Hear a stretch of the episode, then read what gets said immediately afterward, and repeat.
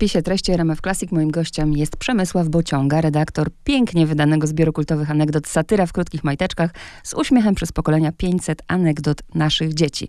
Dzień dobry. Dzień dobry. Panie Przemysławie, czy pan jest z tego pokolenia e, podglądającego ostatnią stronę czasopisma Kobieta i Życie? Tak. Myślę, że jeszcze nawet młodsi ode mnie, czyli jeszcze trzydziestolatkowie pamiętają podczytywanie to, tego już u babci właśnie, czy, czy raczej u osób starszej daty.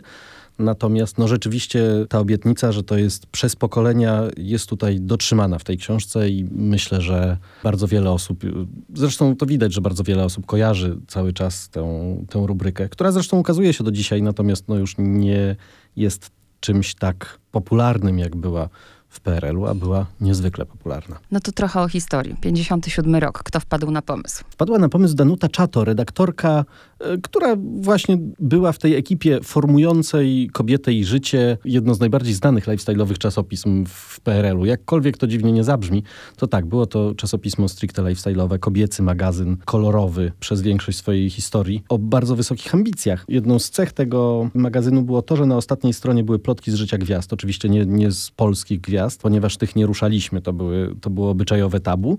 Natomiast Danuta Czato y, zdołała dostać się do plotek z życia gwiazd za żelaznej kurtyny. Więc royalsi, jak dzisiaj ich nazywamy, czyli, czyli pary królewskie oraz, y, oraz gwiazdy Hollywood. A taką wisienką na torcie tam była właśnie rubryka Setera w krótkich majteczkach, gdzie czytelnicy mogli przysyłać anegdotki ze swojego życia rodzinnego, czyli, czyli powiedzonka, powiedzonka swoich dzieci. Jedną z pierwszych bohaterek, czy właściwie na zachętę opublikowane w 1957 roku w, w, ostatnim sierpniowym numerze mm, pisma, były, były powiedzonka zebrane po redakcji, e, wśród których była e, córka Danuty Czato, Zuzanna. Udało mi się z nią porozmawiać przed, przy, w trakcie opracowywania tego mm, zbiorku. E, która doskonale pamięta i opisała tę historię, też e, opowiedziała ją, e, opowiedziała ją trochę, jej trochę. Danuta Czato redagowała zresztą ten zbiorek, ten, tę rubrykę przez cały czas jej istnienia właściwie do, do lat 90. 500 anegdot od 57 roku. Ja się zastanawiam, skoro na przestrzeni tylu lat, no to ile trwała praca i z ilu tych anegdot musiał pan wybrać, tych 500? Lekko licząc, szacuję, że ukazało się ich 15 tysięcy może. Mm, przez cały ten czas Kobieta i Życie była przez dłuższy czas tygodnikiem. W związku z czym co tydzień wybrać, y, mm, co tydzień wybierano po, po 8, 9 anegdot. Tyle, ile się zmieściło akurat na szpalcie. Natomiast wybór ten podobno nie był w ogóle rzeczą problematyczną, ponieważ odzew czytelników był tak gigantyczny, że to były dosłownie worki listów, o których właśnie e, Zuzanna Czato, która to śledziła, na żywo doświadczała tego e, redagowania tej rubryki, pamięta te worki. Opowiadała, że co to były worki listów, które trzeba było przeczytać, posegregować, e, wybrać jakieś anegdotki, odsiać duplikaty, bo przecież ludzie tak zabijali się o tak starali się o, o ten, to swoje pięć minut sławy na łamach kobiety i życia, potrafili wysyłać drugi raz te same anegdotki. Co zresztą oczywiście nie udało się ich odsiać, bo jak czytałem na przestrzeni kilku dni, to nie wiem, kilka, kilkanaście dni zajęło przeglądanie tych archiwaliów i byłem w stanie wyłowić duplikaty. Myślę, że żaden nie ukazał się, że, że nie ma żadnej anegdotki dwa razy w, w, w jednym zbiorku. Natomiast, e, natomiast no, na przestrzeni dekad pracy nad tą rubryką e, czasami nie udało się tego, tego odsiać. Ludzie próbowali na przykład nagrodzone, w każdym numerze była nagradzana jedna anegdotka nagradzana zabawką i ludzie te nagrodzone próbowali później, pół roku później albo pięć lat później wysyłać jeszcze raz, e, licząc na kolejną nagrodę. A pomysł na kompozycję, bo na początku w ogóle jak jeszcze nie, nie zajrzałam do spisu treści, to właśnie zaczęłam czytać i, i tak pomyślałam, dlaczego tutaj jest e, rok 80, tu za chwilę, prawda, 60. Dopiero później zobaczyłam właśnie, jaki jest pomysł na kompozycję i właśnie to było kluczem, bo też mm. dlaczego akurat, mm, powiedzmy też od razu o tej kompozycji, co jest w spisie treści i dlaczego akurat tym kluczem? Może nieskromnie zacznę od siebie. Jestem z wykształcenia antropologiem kultury i trochę przyglądam się językowi i takim rozmaitym zjawiskom z zakresu porządkowania świata. Dzieci są fantastycznym przykładem tego, jak się nam ten świat porządkuje, czasami trochę naiwnie, jak przecież wszystkie te satyry, czyli wszystkie te lapsusy językowe, czy większość z nich wynika z tego, że dzieci próbują zapełniać te swoje luki w wiedzy o świecie. To jest trochę taki, tacy my trochę w innej skali, prawda? Jak czegoś nie wiemy, to sobie dopowiemy i to z, tego, z tych dopowiedzeń wynikają nam bardzo często rozmaite, no w świecie dorosłych to raczej klęski, a w świecie dzieci rzeczy, do których się uśmiechamy, prawda? Te, te pytania, któż nie słyszał kiedyś pytania e, na przykład, babciu, czy jak ty byłaś mała, to były dinozaury, prawda? No to, to jest przecież przejaw pewnego rodzaju próby uporządkowania świata, który jeszcze nie do końca, jak to się dzisiaj mówi, ogarniamy, prawda? Który jeszcze nie do końca zrozumieliśmy. Kiedy były te właściwie dinozaury, a kiedy był Juliusz Cezar, a kiedy była babcia mała. No i to w, z, takich, z takich właśnie rozmaitych refleksji wziął się ten podział, więc rozmaite, nazywałem to roboczo systemy pojęciowe, ale oczywiście jest to słowo, które zupełnie jest niewspółmierne do tej łatwej i lekkiej lektury tutaj, tutaj wchodzą w grę. Także osobno przyglądałem się temu, jak dzieci, czy, czy osobno wpadało mi w oko, jak dzieci starają się rozumieć pieniądze, jak starają się rozumieć religię, której są uczone, jak starają się przeprowadzać procesy inkwizycyjne, jak coś zbroją i rodzice pociągają je do odpowiedzialności i tak dalej, i tak dalej. No oczywiście nowe słówka są całym osobnym rozdziałem Także, także dużo jest tutaj takich, takich wątków. Mhm.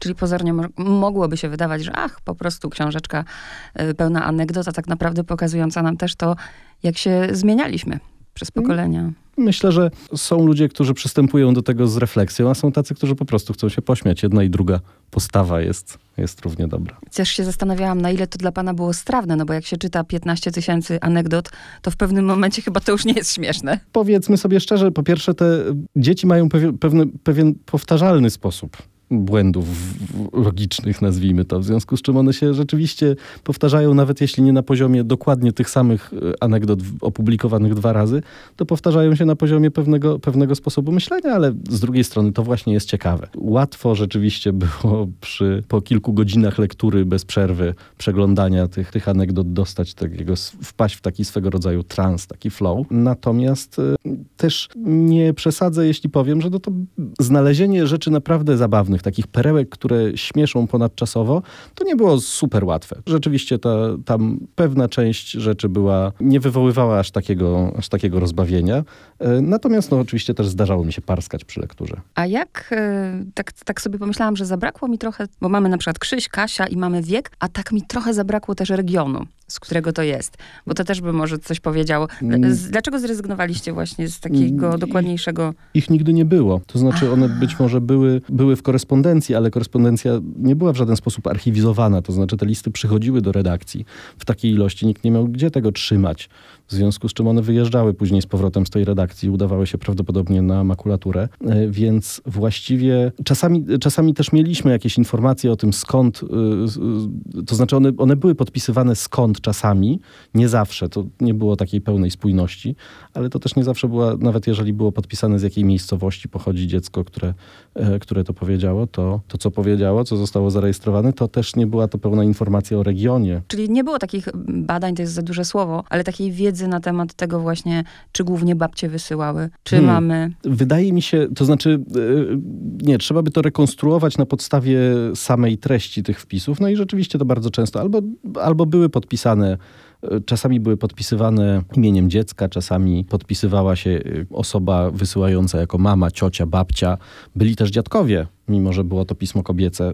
Świadomość istnienia tej rubryki była na pewno bardzo wysoka. Dużo niższa była świadomość tego, jak ważna jest prywatność i tak zwane dane osobowe. Zresztą pewnie nie były też tak ważne jak dzisiaj. Przedmiotem takiej pieczołowitej troski nie były te dane. W związku z czym bez skrępowania wysyłały te anegdotki też jakieś ciocie, to znaczy znajomi rodziny, czasami prawdziwe ciocie, czasami przyszywane yy, i tak dalej, i tak dalej. Mm, to musi być też przyjemność pewnie dla tych, którzy odnajdą siebie, wiedzą mm. na przykład, co mówili.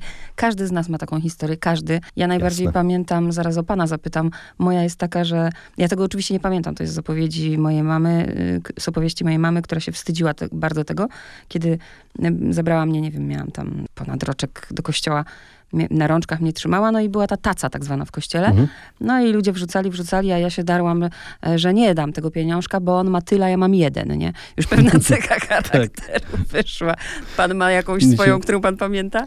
Swoją ze swojego życia to Tak. nie, wyparłem. Natomiast, e, natomiast moje dzieci e, są w jakiejś takiej rzeczywiście fazie, późnej powiedziałbym fazie, bo to też jeszcze, jeszcze charakterystyczne, akurat wiek dzieci zachowaliśmy i bardzo charakterystyczne jest, że koło 6, 6, 7 roku życia już właściwie siedmiolatków się nie spotyka, a moja córka, która ma e, 9 lat, ma właśnie jakąś fazę na e, bardzo ciekawe lapsusy, ale to już z takimi trudniejszymi słowami, które sama czyta na przykład i jej się, jej się przekręcą. E, I jeszcze parę dni temu, wczoraj nawet chyba, czy przedwczoraj wspominała obóz, na którym była w, w czasie ferii i powiedziała, że ona była w ośrodku tymczasowym Granit.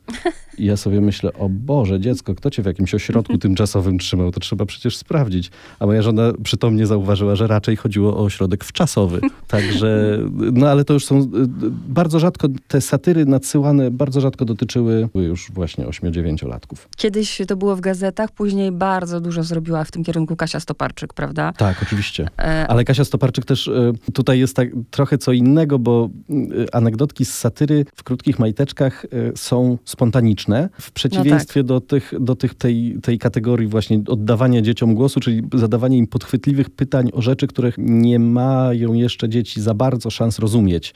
No bo to dla nas jest dużo bardziej atrakcyjne, ale myślę, że dzieci są dużo bardziej skonfundowane od tego, jak się je pyta, co to jest, kto to jest prezydent. A dzisiaj można spróbować, kto to jest, co to jest koronawirus, prawda? O, na przykład.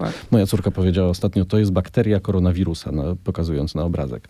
Więc bakteria wirusa y, też jest dowodem tego, że jeszcze nie bardzo rozumie, czym się różni bakteria od wirusa, no ale to jest lekko inna kategoria. Satyra w krótkich majteczkach najbardziej przeniosła się na, na Facebooka. Właśnie. Właśnie to chciałam powiedzieć, że dzisiaj też nawet jeżeli jest już w czasopismach, to nikt już nie wysyła listów, nie? Tylko jeśli to maile, a jeśli już to Instagram, Facebook, tam się to... Trochę jest tak, że w PRL-u wszystko było szczególne. Ta jedna gazeta, Kobieta i Życie, miała akurat pewnie przydział papieru i zaaprobowaną gdzieś tam w Komitecie Centralnym swoją linię, której udawało się bronić. I właśnie tam było miejsce na ten rodzaj kontaktu z czytelnikami. Dzisiaj mamy po prostu brać i wybierać tyle form, tyle możliwości, tyle alternatyw, więc są osobne konta na Twitterze. Jest taki e, amerykański pisarz, pisarz, chłopak, który się przeprowadził, przeprowadził do rodziców po koledżu i zaczął, założył konto na Twitterze tylko po to, żeby spisywać powiedzonka swojego ojca. Zatytułował to Shit My Dad Says i napisał z tego książkę. I to, to jest odwrotność satyry w krótkich majteczkach, czyli coś, co dzisiaj nazywamy boomerskim gadaniem, jakimiś uwagami fantastycznymi. Też go doprowadziły,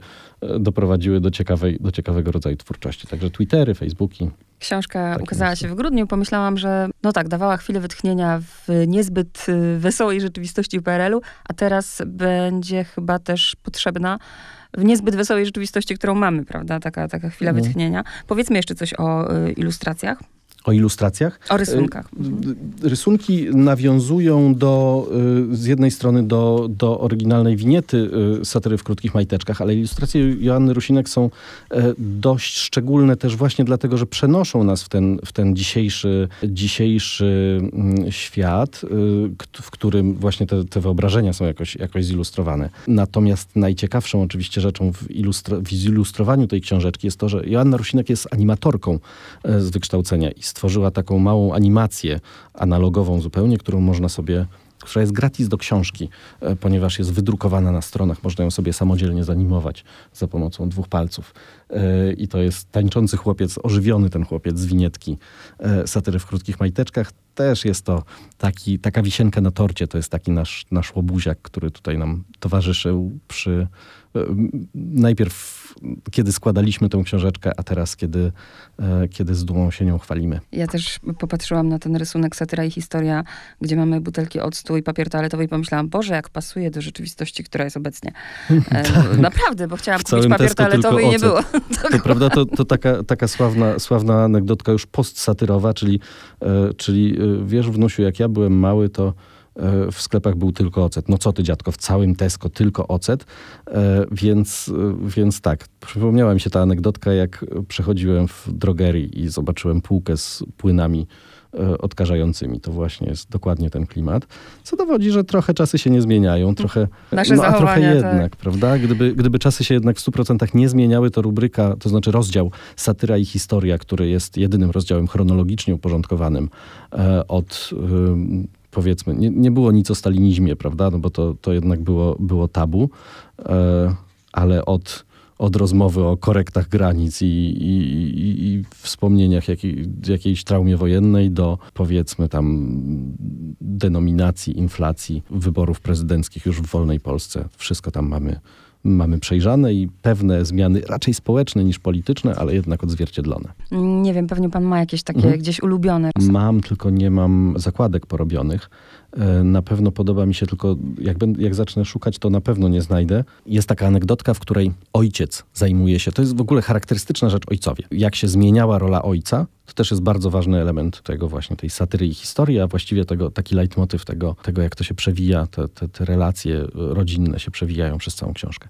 No ale jest taka anegdotka, raczej z tych starszych, z lat, z lat 60. pewnie, kiedy ojciec zajmuje się dzieckiem, a zajmowanie się dzieckiem polega na tym, że trochę patrzy, jak to dziecko się bawi, a trochę ogląda mecz. I w pewnym momencie dziecko staje tak, żeby zasłonić telewizor i mówi: Tata, ty mnie widź. E, I to jest, e, to ty mnie widź z jednej strony słowotwórcze typowo dla dzieci, ale z drugiej strony właśnie to jest to wołanie o, o to, żebyśmy my widzieli te dzieci. To bardzo, bardzo to lubię. Proste, a piękne. Jacek lat trzy zjada śniadanie. Jego malutka siostrzyczka Kasia, która biegała obok, upadła i zaczęła płakać. Poczekaj, Kasiu, mówi Jacek ze współczuciem. Jak tylko zjem, to pomogę ci płakać. No, Mnie się też spodobał Januszek, jak idzie spać, a mama mu mówi o paciorku, on mówi, dobrze, dobrze, ale dziś mówię taki krótkometrażowy. Bardzo mi się krótkometrażowy pod paciorek. Krótkometrażowy pacierek. Tak. A to jest właśnie takie typowe, jak dzieci sobie, dzieci sobie porządkują to wszystko w pozi, to może jeszcze coś znajdziemy takiego politycznego. Może pojadę od tyłu tymi politycznymi, to może coś się znajdzie, co...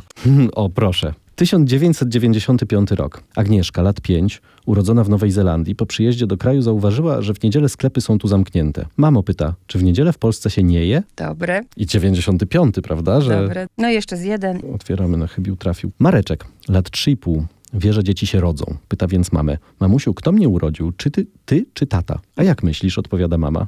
Mareczek. Ja myślę, że tatuś, bo jestem do niego bardzo podobny. Przemysław Bociąga był moim gościem. Dziękuję bardzo. Dziękuję uprzejmie.